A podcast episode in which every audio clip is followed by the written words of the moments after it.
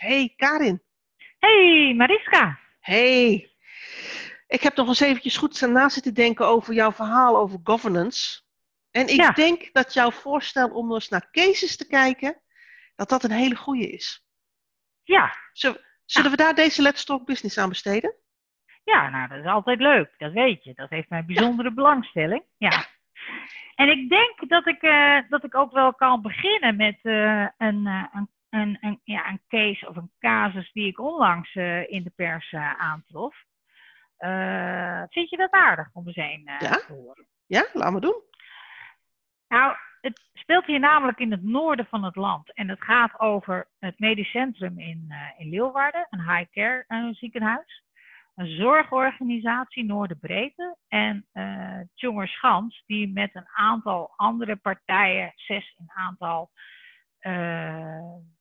ja, samen gingen. Eigenlijk eh, samen wilden en ook wilden fuseren op termijn.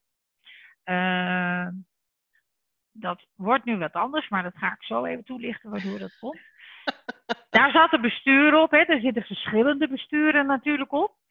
En ehm, de raad van eh, commissarissen, die heeft gemeend, de raad van commissarissen van het Medisch Centrum Leeuwarden, die ook de raad van commissarissen werd van de nieuwe identiteit, hè, waar, waar, waar al die zes eh, separate partijen in opgingen. Die heeft gemeend, gegeven haar eh, scope eh, van besturing en toezicht houden, dat dat toch groter werd en belangrijker. Dat ze haar beloning maar moest verzesvoudigen. Wat vind je daarvan? Klinkt als een, als een wiskundeopgave. Ja, Ik doe één bestuur en ik ontvang zoveel. Ik doe Ja. zes besturen, hoeveel Ja. ontvang ik dan? nou ik weet niet hoeveel beta-achtige types eh, in de raad van commissarissen zaten, maar er zou best eens eh, sprake van kunnen zijn. Nou ja, dat is natuurlijk heel bijzonder. Hè? En, en, en te meer ook dat dat een enorm protest eh, en, en eigenlijk een beetje maatschappelijke onrust in het noorden teweeg heeft gebracht. Vlak na een coronatijd, vlak na eh, vermoeide, eh, onderbetaalde zorgmedewerkers van eh, degene die schoonmaakt tot verpleegkundigen, tot artsen, noem maar op. Een geluid dat de Raad van Toezicht haar beloning heeft verzesvoudigd. Ja, dan voel Ja, je ik- toch niet helemaal. Voel je niet helemaal aan hoe de wind waait, zal ik maar zeggen. Nee, Maar- nee. nee. Het is, het is niet nieuw, hè? want jij noemt dit voorbeeld wat, wat recent is. Maar we hebben het natuurlijk in de bankencrisis al gezien, toen ABN AMRO werd eh, geprivatiseerd. Eh, en vervolgens het, eh, de hele discussie kwam over, moet nou de, het bestuur wel of niet hogere bonussen hebben? Ja, en de samenleving zeker. had zo, hogere bonussen? Moeten ze überhaupt bonussen hebben? Hallo? Ja, maar dat is 2012. En ondertussen heeft, eh daar hebben we in, de, in, een, eh, in een, vorige, een van de vorige Let's Talk Business toch ook even over gehad. Die norm hè, en ook de regelgeving meer invulling gekregen. Dat in 2020 dit nog mogelijk is, nou dat heeft me toch wel een beetje verbaasd. En ook de reactie van de voorzitter van de Raad van Commissarissen, die gewoon ijskoud stelde van, eh, ik snap niet waar die ophef eh, over mogelijk is. En mark my words, ik zeg het niet helemaal letterlijk, maar dat is wel hetgene wat hij uit wilde ze- zenden. Eh, want die beloning en die, die verhoging van die beloning, ja, dat is gewoon conforme regelgeving. En dat klopt. Het is ook gewoon conforme regelgeving. Ja, Maar ja. het bijzondere is dat good governance niet alleen wordt ingevuld door eh, regelgeving, maar ook door normering vastgesteld op basis van jurisprudentie, hè, dus rechtszaken die gevoerd worden. Maar ook dat is altijd achteraf. Good governance wordt ook ingevuld door eh, de- het, het gevoel wat er heerst binnen de maatschappij. Dus de maatschappelijke context op dat moment. En de maatschappelijke Ja. context in het hier en nu, ja, die is niet zodanig dat, en ik zei het net al even, dat na die coronatijd eh, die oververmoeide zorgmedewerkers en op onderdelen ook onderbetaald, eh, een raad van commissarissen, die er overigens ook nog eens een keer geheimzinnig over doet, hè? Hoezo eh, transparant? Eh, zichzelf eh, een beloning toe-eigent die uh, verzesvoudigd is. Dus dit is ook niet helemaal gelukkig afgelopen, dit voorval.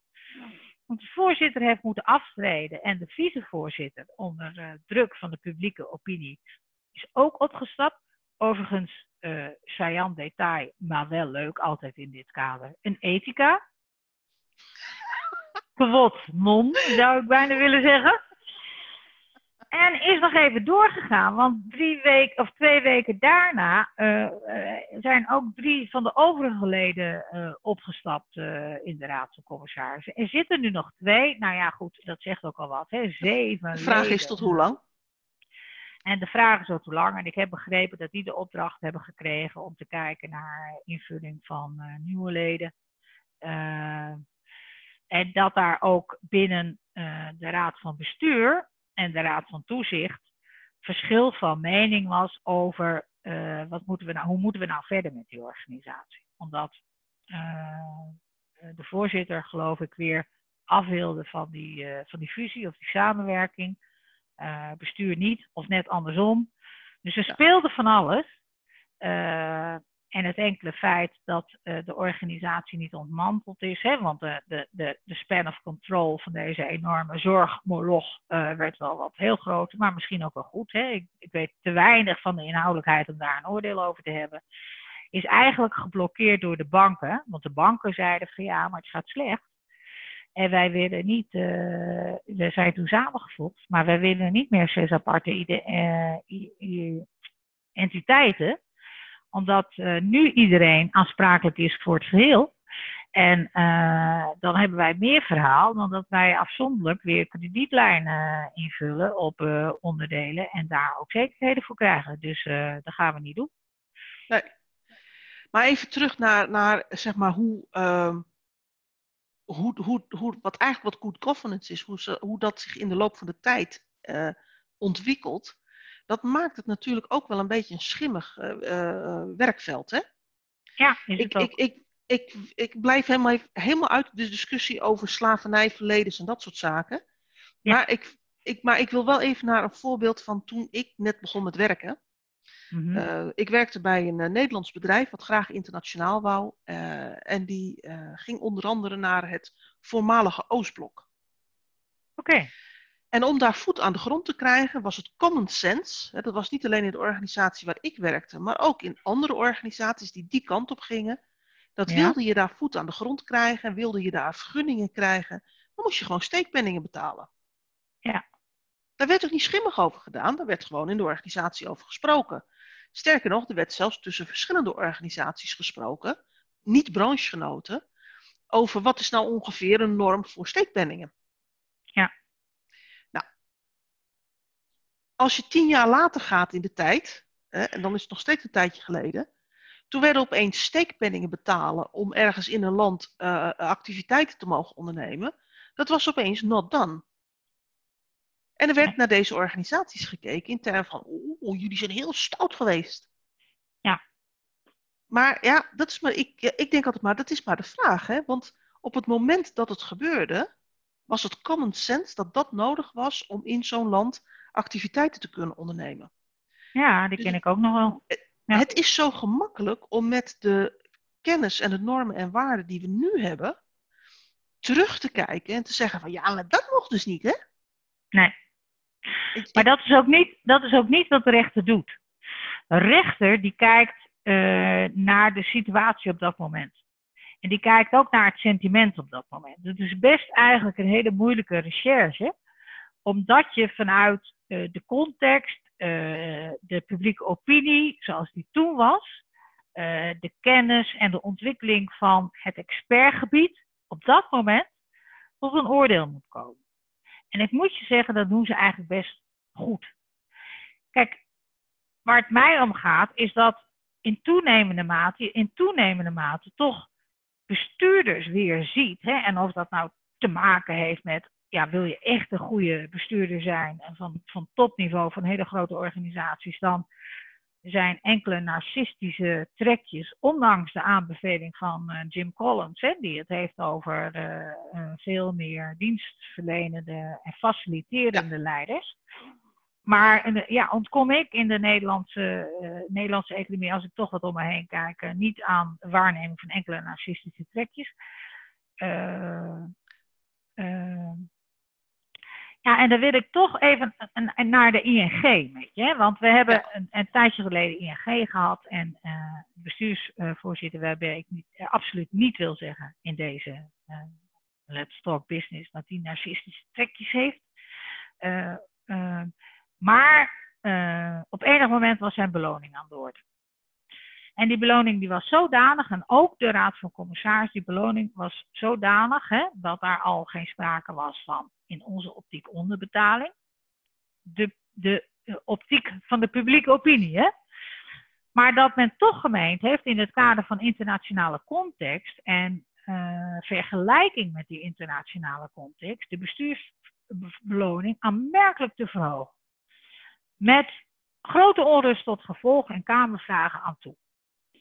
Ehm, ja, volgens mij, en wij hebben er toen op het moment dat dat plaatsvond ook samen wel over gehad, ben je dan toch wel wat los van de maatschappij. En dat heeft niks te maken met terugkijken van de norm zoals u ooit vroeger was, maar heeft echt te maken met kijken in het hier en nu. En ook aanvoelen wat geaccepteerd wordt en wat niet. En waar je gedonder mee krijgt. Ja, maar wat je vaak ziet, wat je dan toch vaak ziet, is dat de afstand van dit soort bestuurders wel of niet narcistische trekjes.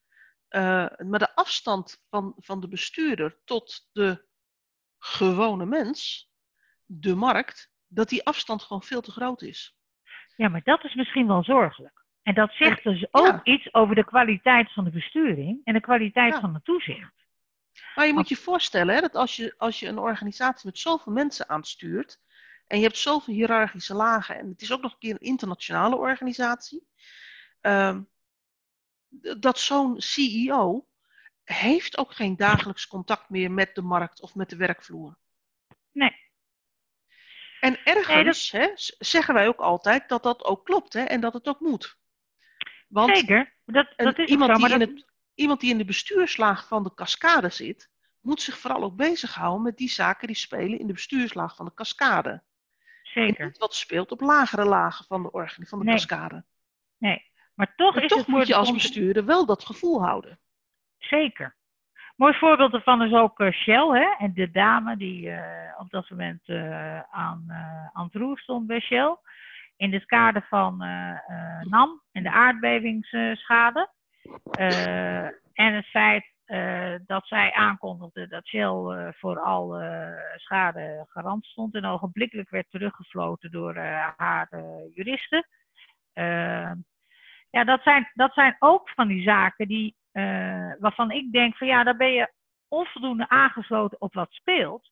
En wat je op dat moment kunt zeggen en moet doen om er als uh, bedrijf uh, goed uit te komen. Het heeft op dat moment gemaakt dat zij heel veel commentaar kreeg. Heel veel, onder, on, en Shell ook onder een, en zeker de NAM, onder een groot licht kwam te staan. En de NAM stond al niet uh, zeg maar aan de zijlijn. Hè? Een van de, van de hoofdrolspelers in dit hele verhaal. Maar geeft dus wel aan wat voor gevoeligheid je ook moet hebben met de kwesties die maatschappelijk spelen. En hoe de publieke opinie daarop gaat reageren. Ja, en, en toch zie je daar ook wel weer verschillen in. in uh, kijk, ik, ik, ik roep altijd die, de coronacrisis die we hebben gehad uh, hopelijk komt hij niet terug. Maar hebben die, wat, waar we in het voorjaar mee te maken heeft, hebben gehad. Die zet een soort schijnwerper op alles wat goed gaat. Maar ook op alles wat niet goed gaat. Ja. Uh, en waar we natuurlijk tegenaan zijn gelopen met, die, uh, zeg maar, met overheidsmaatregelen, met name de overheidssteun, is dat je een verschil ziet in uh, Anglo-Saxisch en Rijnlands denken. Ja, absoluut. En wij, wij in Nederland zijn toch meer van het Rijnlands denken. Hè? Het, het gaat over stakeholders, het gaat over de langere termijn, het gaat over uh, de zorg voor ons allemaal. Hè? Uh, wij zijn bereid om geld uh, te investeren in, in het MKB. Hè? Omdat het MKB ja. is van ons, is Nederland en is, staat ook garant voor onze manier van leven. Dus het MKB ja. moet door. En nu heb je bedrijven die meer in het Anglo-Saxische regime zitten, bijvoorbeeld omdat ze uh, uh, uh, een bestuur hebben, een holding hebben, die in, bijvoorbeeld in Engeland of in Amerika zit. en die leven volgens Anglo-Saxische principes. En ook daar zie je nu wrijving in ontstaan. Hè? Dat heeft ook te maken met die, die wind die, van, van de samenleving, noem ik dan maar even. Hey, als voorbeeld een, een Booking.com die dividend uitkeert aan de aandeelhouders en vervolgens de hand op gaat houden bij de Nederlandse overheid. Van subsidieer ons even, want onze inkomsten vallen weg en uh, anders rollen we om. Ja, precies. Hè, een action die uh, zeg maar, nou, echt wel onderdeel uitmaakt van het Nederlandse retail en zelfs Nederlandse roots, maar nu in handen is van een Engelse investeerder. En die er gewoon één op één zegt: van, joh, Weet je, wij, wij verlengen onze toch al wat ruime betalingsperiode. Uh, beste leverancier, doei doei, u krijgt gewoon even geen geld van ons. Ja, overigens hebben ze daar, de, ik heb een interview met die mevrouw die daar aan vloer staat uh, gezien. Buitengewoon veel spijt van en uh, ik weet niet hoeveel meer koelpassen zijn gekomen. Overigens ook Shell toen, hè? Die zei dat ze, wat ik vertelde het wat verkeerd, maar ze stonden niet, niet ze hadden iets, ze hadden 403 verklaring ingetrokken. Dat is iets fiscaals. Maar dat betekent uh, boekhoudkundig, iets juridisch, dat je niet meer garant staat voor de schulden van NAM in dit geval. En dat had nogal, had pers lucht van gekregen en daar werd die mevrouw bevraagd. En uh, dat had nogal wat woede veroorzaakt. Ja, en dan ben je gewoon niet heel erg handig bezig op het moment dat avond na avond de aardbevingskwestie gewoon op de nationale tv wordt uitgezonden. Ja, ik, ik, dat ik, is ook een mooi voorbeeld van, uh, van action. Beetje, ja, ik blijf het wel een beetje spannend vinden. Hoe kun je nou als organisatie, natuurlijk, je moet je voelhorens hebben in de markt. Maar in principe kun je, kan het je dus gebeuren dat wat vandaag wordt gezien als goed besturen. Ja. En, uh, en in redelijkheid, zeg maar, maatregelen, besluiten nemen. Ja. Dan kunnen we blijkbaar volgende maand heel anders over denken. Nou ja, kijk, uh, laten, we, laten we wel vooropstellen dat in een situatie van uh, gewoon continuïteit hè, er nooit sprake kan zijn van de juridische kwalificatie onbehoorlijk bestuur. Die komt pas aan de orde op het moment dat een bedrijf failliet gaat. En dan wordt de handel en wandel in die context ook gewogen en beoordeeld en kan er eventueel tot aansprakelijkheid leiden. In de kwestie Shell, hè, Shell uh, met de NAM, dat voorbeeld wat jij noemde over Action, ja, dat zijn gewoon eh, bedrijven die uh, continuïteit hebben, waar geen rechter aan te pas komt. En levert het alleen maar imagoschade op. Alleen maar, zeg ik. Ja, ja, ja, dat kun je wel zeggen. Hè? Maar uh, laten we wel zijn, als er straks een tweede golf komt, laten we het alsjeblieft hopen afkloppen, zullen we zeggen. Uh, um, en, en we gaan nog zwaardere maatregelen en de retail gaat ook dicht.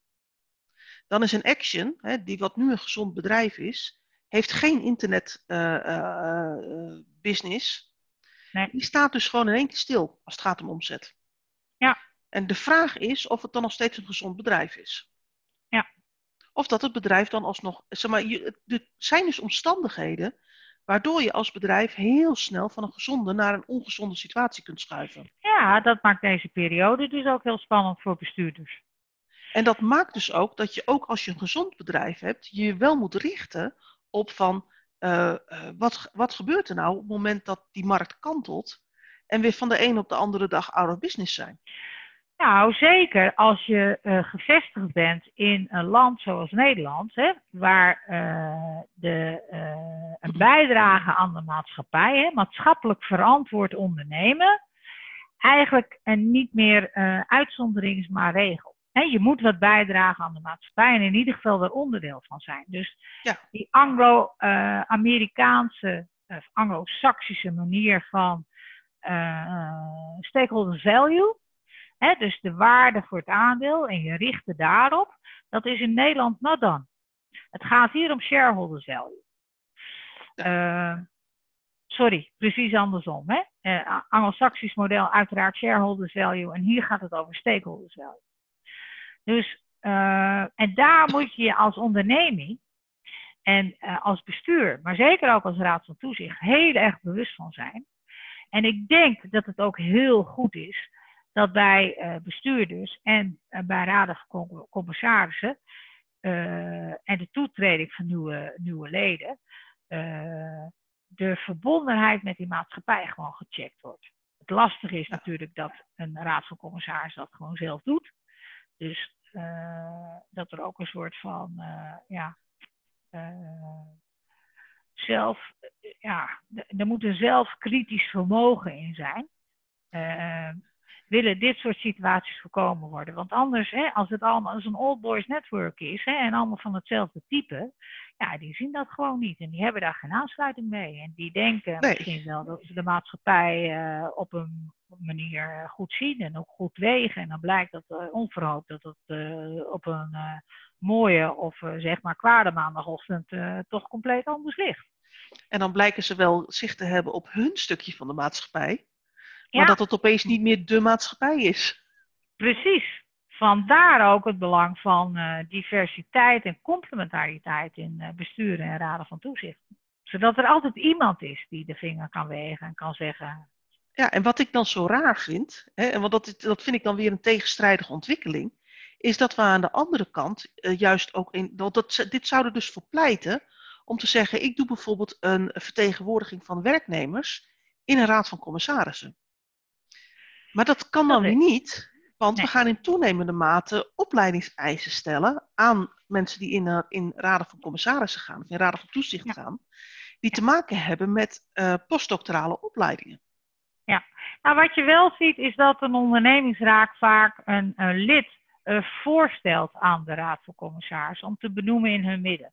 Als een soort van, ik zou niet willen zeggen vooruitgeschoven post, hè, want iedere commissaris zit daar uh, voor eigen rekening risico en op basis van eigen titel. Hè? Dus die uh, niet een vooruitgeschoven post van ondernemingsraad. Zo kan het niet zijn.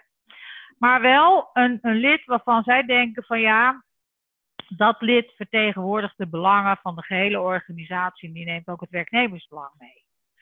Uh, dus dat zie je natuurlijk wel. Maar het kan niet zo zijn dat uh, werknemers die een andere rol vervullen in die organisatie ook een deel toezicht gaan, uh, gaan uitvoeren. maar dat kan dan weer niet volgens uh, good governance. Nee. Dan zit je weer met twee petten op. Ja. hey, wat denk jij dat er gaat gebeuren? We hebben nu zeg maar die, we hebben die action en nog even los van het mea culpa, maar het feit dat dat het bestuur dit besloot, hè, die, die betalingstermijnen verlengen. Maar dat het ook dus door de Raad van Commissarissen of de Raad van Toezicht daar, daar zijn geen alarmbellen afgegaan. Dat heeft voor een deel toch ook te maken met het Anglo-Saxisch systeem. Hetzelfde is Booking.com. Er wordt ook Anglo-Saxisch aangestuurd. maar het zijn wel bedrijven Nederlandse bedrijven die binnen de Nederlandse grens, de Nederlandse samenleving, binnen het Nederlandse systeem functioneren. Ja. Wat denk je dat daar gaat gebeuren als je praat over governance? Hoe gaat dat zich ontwikkelen? Gaan wij uh, feitelijk voorschrijven dat bedrijven die in Nederland functioneren uh, zich moeten conformeren aan het Nederlands en dus ook meer aan het Rijnlandse principe? Nou, kijk, de, het voorbeeld van de Action, denk ik dat de Raad van uh, Commissarissen of de Raad van Toezicht, ik weet niet wat ze hebben bij de Action, uh, daar niet bij betrokken is geweest. Die is er pas bij betrokken geweest op het moment dat het misging. Toen is de Raad van uh, Commissarissen of Toezicht geïnformeerd en die heeft waarschijnlijk tegen de bestuurder gezegd: hoe ga je dit oplossen? Hè? want dit gaat over, dit gaat over bestuur. Hè? Er is dus besloten op het hoogste niveau dat er sprake was van verlenging van leverancierskredieten. Een, manier om de organisatie te financieren. En dat dat onhandig is uitgepakt, en dan druk ik me nog heel voorzichtig uit. Uh, daarover uh, is op enig moment de Raad van Commissarissen geïnformeerd. Uh, ja, en die, die heeft in het kader van toezicht op de bestuurder daar wel wat van gevonden, neem ik aan dus ik, ik denk dat dit echt een bedrijfsongeluk was, hoor, om het zo maar te kwalificeren. Ja. Ik denk in de casus Blokker dat er een ander verhaal is. Hè? Daar is echt de instemming en ook uh, van de Raad van Commissarissen voor nodig geweest. Heb je het dan over Blokker is... of over Boeking? Uh, boeking, sorry, Booking. Ja, ja, heeft, ja. Ik, ik moet even, ik moet even, even, snel schakelen. Blokker, wat was daar ook die laatste tijd? Wat was, wat was er bij Blokker? Ja, nee, Booking. Uh, daar is echt de instemming van de Raad van uh, Commissarissen, de Raad van Toezicht uh, vereist geweest. En dat is echt een kwestie van een, een, een angelsactische manier van, van optreden.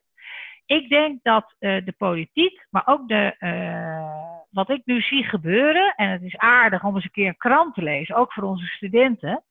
En dan vanuit het optiek van, is dit nou een artikel wat past in het Rijnlandse model, of is het een artikel wat past in veel meer een Anglo-Saxisch model?